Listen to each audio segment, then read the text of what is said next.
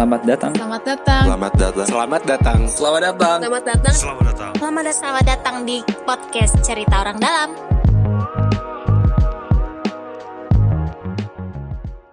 Eh, teman-teman juga yang dengar juga pasti juga bola dewa gitu. Kita kedatangan Mas eh, Ahmad Dhani. Selamat datang Mas Ahmad Dhani. Selamat datang juga. Eh, saya tegang nih beneran.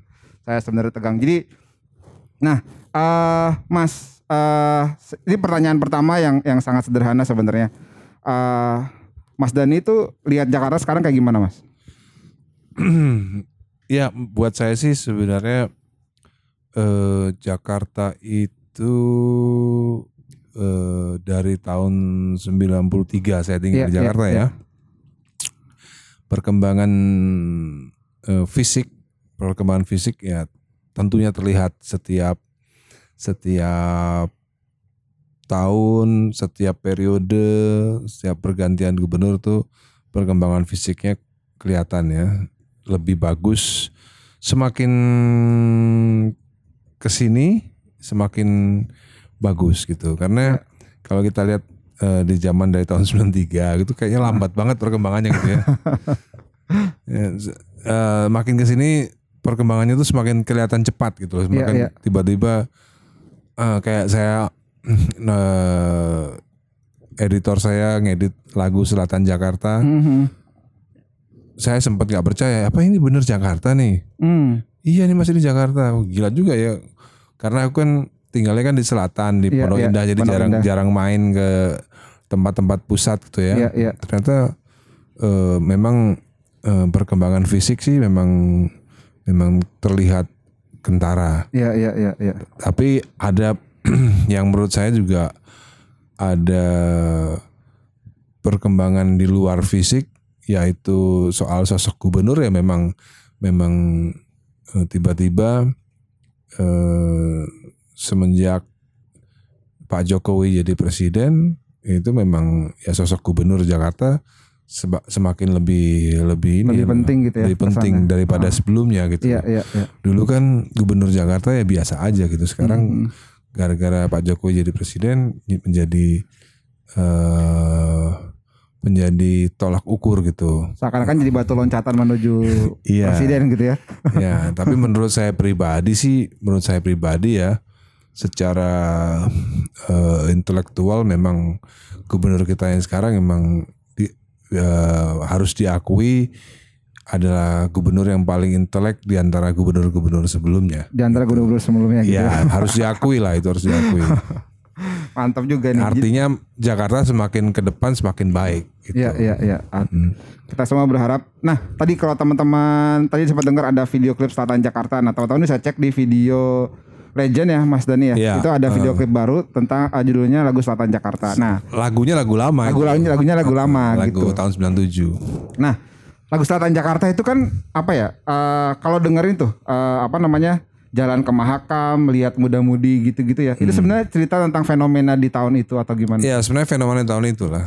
Oh. Nah, itu kan lagu itu diciptakan tahun 1997. 1997 gitu. Iya dan semua penggambaran penggambaran liriknya ya tentang soal Jakarta di tahun 90-an itu. Mhm.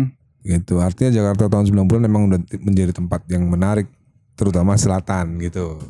Iya sih. Nah, itu kan sebenarnya lagu itu lebih spesifik gitu ada ya di situ kan ada mau Pondok Indah disebut gitu ya, ada Uh, Pondok lebih Indah spesifik disebut. di selatannya gitu. Karena Selatannya karena gitu. emang saya tinggal di selatan dari awal. Dari awal tuh kali. langsung di Pondok Indah berarti. Enggak, waktu itu di, di pinggiran Pondok Indah, di arteri Pondok Indah. Oh, Oke oke Di situ oke. ada komplek Kodam. Oh, Jadi kalau ke PI Mall tinggal turun jalan Mhm. sebentar naik bis udah nyampe Pondok Indah Mall. iya iya iya. Oh oke oke. Lalu sekarang pindah ke Pondok Indah. Jadi emang Hmm. kalau misalnya dengerin lagunya tuh memang so, uh, sense-nya tuh akan sangat Jakarta Selatan sekali lah gitu ya Hmm. kalau kata anak sekarang. Um, berarti kan ada ada tadi Mas Dani sempat bilang tuh perkembangan fisiknya sangat cepat uh, Hmm. apa namanya. Tapi tapi ruhnya si Jakarta sendiri sekarang gimana sih Mas? Masuk gini nih. Jakarta ini kan sekarang uh, di beberapa tempat tuh ada muncul lokasi-lokasi yang apa kesannya eksklusif gitu ya. Um, cuma kalangan tertentu nih yang bisa akses gitu. Uh, apakah dari dulu tuh udah begitu sudah atau begitu dari sudah dulu. begitu dari sudah dulu ya? begitu dari dulu. Malah malah di tahun 90-an awal justru malah Jakarta tuh terlihat apa ya? Terlihat eh, gapnya jauh banget gitu. Mhm. Kalau dulu karena dulu kan eh pejabat-pejabat zaman dulu kan zaman Orba itu udah kayak kayak apa ya? Udah kayak Dewa. Iya, udah kayak udah udah kayak kerajaan lah Jakarta Iya, iya, itu iya, gitu. iya, iya. Sekarang kan nggak ada. Gitu. Sekarang kan hal, -hal seperti itu kan nggak ada gitu. Oke. Nggak tahu ya kalau di Solo ya. di Jakarta sih nggak ada. Waduh. nah, Loh, maksudnya di Solo kan ada kerajaan beneran. oh iya benar benar benar. Benar. ada Jadi, Kasunanan di sana, ada, Mangkunegaran nih. betul iya. betul betul. Bukan yang lain-lain ya, ini tentang Ah, kerajaan eh, Solo gitu. Hmm. Eh, apa namanya? Nah, kalau kalau lihat Mas Dani, kalau misalnya gini, kalau misalnya Mas Dani sekarang disuruh bikin bikin apa karya tentang Jakarta gitu, kira-kira apa yang mau digambarin gitu? Kalau tadi kan karena Mas Dani ada di selatan Jakarta gitu ya, di Pondok Indah, sekitar Pondok Indah gitu, Hmm. sehingga nuansanya sangat selatan sekali gitu. Kalau sekarang aku nggak tahu nih, eh, yang Mas Dani eh, DKI ya. Iya, DKI Jakarta gitu kalau disuruh disuruh bikin karya gitu diminta bikin karya buat eh, ini yang akan digambarin tuh Jakarta yang seperti apa sih? Ya buat saya tuh Jakarta itu kan ibu kota. Mm. Buat saya Jakarta tuh nggak akan bisa digantikan Mm. meskipun nantinya dipaksa dipindahin ibu kotanya dari Jakarta ya. Mm, mm. Menurut saya Jakarta tuh tidak akan tergantikan karena eh, selain hanya selain lokasi juga eh, di sini tempat tinggalnya para pembuat peradaban kan. Oh gitu. Iyalah, di sini musisi-musisi kan tinggal di Jakarta semua. Oh, iya, Kan apa iya kalau ibu kota dipindahin ke Kalimantan terus musisi-musisinya juga pindah ke Kalimantan kan enggak juga. ya kan? Jadi di sini Iya nih di sini nih kota para seniman udah gitu loh. Jakarta tuh kota para pembuat peradaban, artinya pembuat film di Jakarta, Mhm. pembuat musik di Jakarta.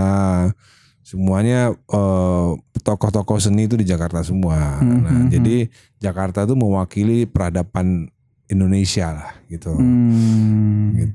Itu yang sulit untuk di Digantikan gitu ya. Ya. Mau di Sumatera, mau di Kalimantan gitu ya. Ah, jadi pertanyaan kan kan begitu pertanyaannya. Iya, iya. Ketika semua tokoh-tokoh seni itu ada di Jakarta, ketika ibu kotanya dipindahkan, apakah tokoh-tokoh seni itu juga ikut pindah?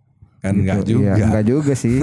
Apa yang mau, ya kan? Mhm. Gitu. Karena kan akses juga lebih bagus di Jakarta, tempat konser lebih Ya Jakarta. iya enggak cuma itu, enggak cuma itu memang Ja- Jakarta kan punya sejarah. Iya, iya. Kota ini punya sejarah gitu.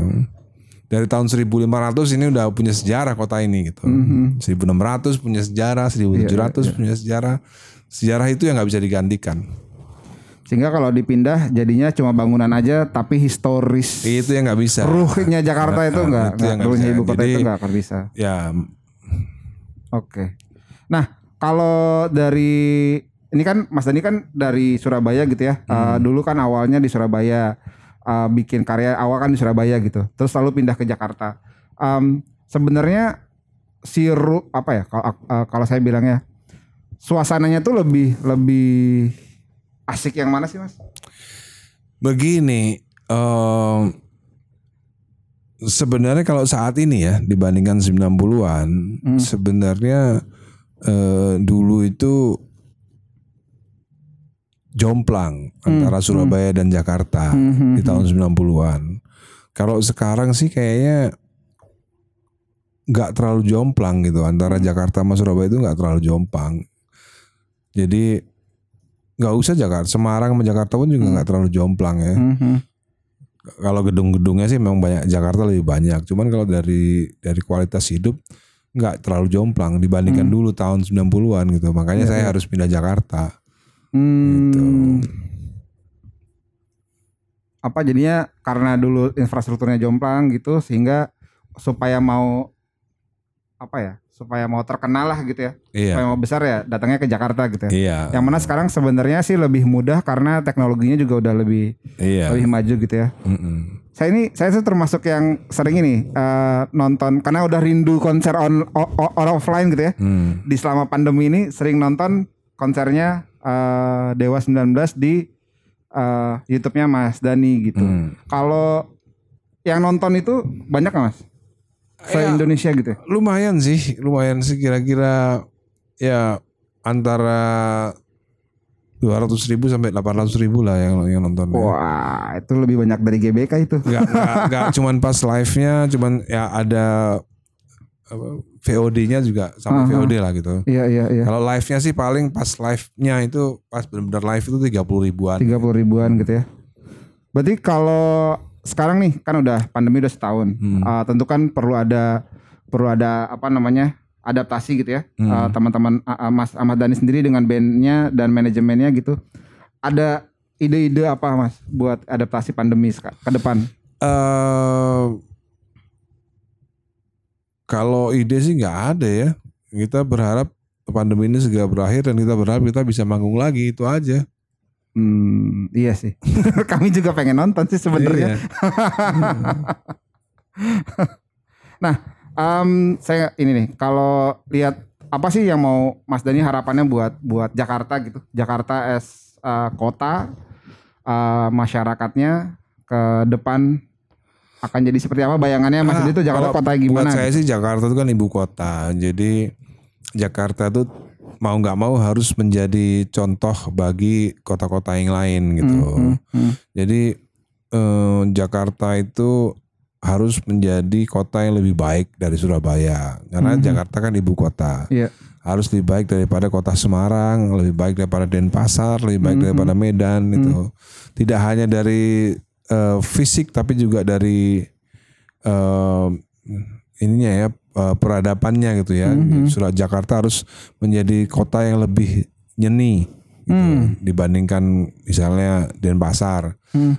Kan itu kan kerjaan berat gitu menjadikan Iya, Kota, eh, kota Jakarta menjadi kota yang lebih berkesenian daripada Iya, iya. Denpasar misalnya itu berat Iya. banget. Tapi itu harus dilakukan, harus dilakukan gitu. Apa Mas kira-kira yang harus dilakukan sama pemerintahnya atau sama masyarakatnya? Kira-kira yang udah kebayang nih kalau ah kalau saya jadi gubernur nih harusnya ini ini ini di, dikerjain. Ya kalau kalau masalah masalah infrastruktur kan bukan sesuatu yang sulit ya selama Hmm. ada dananya sih infrastruktur pasti bisa terbangun. Yang sulit itu adalah membangun peradabannya itu. Oh. Misalnya eh, di Jakarta ada sebuah gedung pertunjukan musik yang baik misalnya. Hmm, hmm. Atau Jakarta mungkin misalnya punya eh, Jakarta eh, Royal Philharmonic. Nah, misalnya nih ya. Iya iya iya. iya. Punya orkestra yang setiap minggu main di mana gitu. Hmm, hmm, hmm. Itu yang yang menurut saya itu sesuatu yang yang nggak mudah dilakukan. Iya iya iya. iya. Gitu. Kalau bangun sih gampang, bangun gedung nggak ada susahnya. Semua orang bisa bangun gedung. Semua orang bisa bangun gedung, tapi peradaban tadi gitu ya. Iya. Di mana eh, rasa berkesenian itu jadi hal yang eh, apa ya mudah, jadi Iya. hal yang seh- keseharian gitu sehari-hari gitu ya. Hmm, misalnya di London ada Royal Albert Hall gitu kan. Mhm.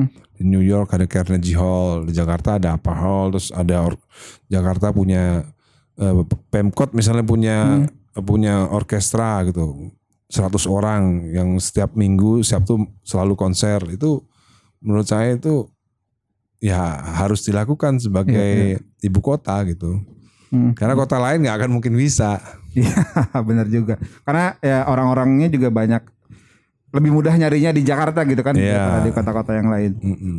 Nah, sebenarnya sih eh, kalau ini sih Mas, teman-teman di oh, beberapa tahun sebelum pandemi gitu ya, eh beberapa tahun, beberapa kali saat sebelum pandemi tuh sempat bikin apa namanya eh apa musik tepi barat. Jadi ada konser di trotoar gitu. Eh, Hmm. Musisi-musisi kafe atau musisi-musisi jalanan gitu dikasih ruang di pinggir trotoar. Terus kemarin sempat ada Christmas Carol juga kan yang perayaan Natal di pinggir eh, trotoar Sudirman Tamrin gitu.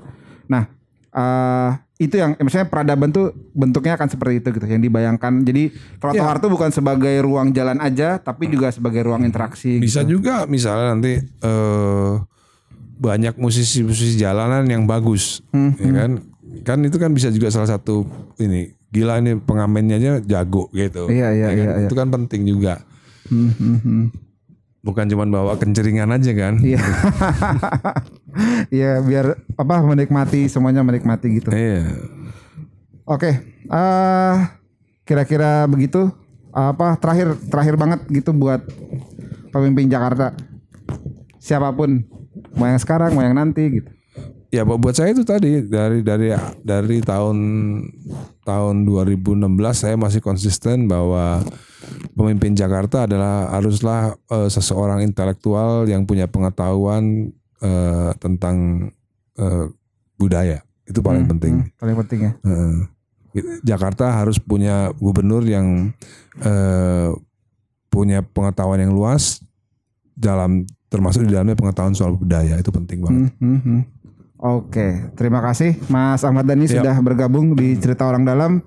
Eh, Teman-teman jangan lupa dengerin eh, albumnya eh, lagu-lagunya Dewa konser Dewa di at, eh, akun Video Legend ya. Iya. Mas Dani nggak nggak perlu dipromoin juga sebenarnya sama kami karena yang nonton udah banyak gitu. Oke terima kasih. Eh, aduh saya capek lupa closingan kita nih. Dengerin terus cerita kita karena cerita kita cerita orang dalam. Ya, Oke. Terima kasih Mas. Dani.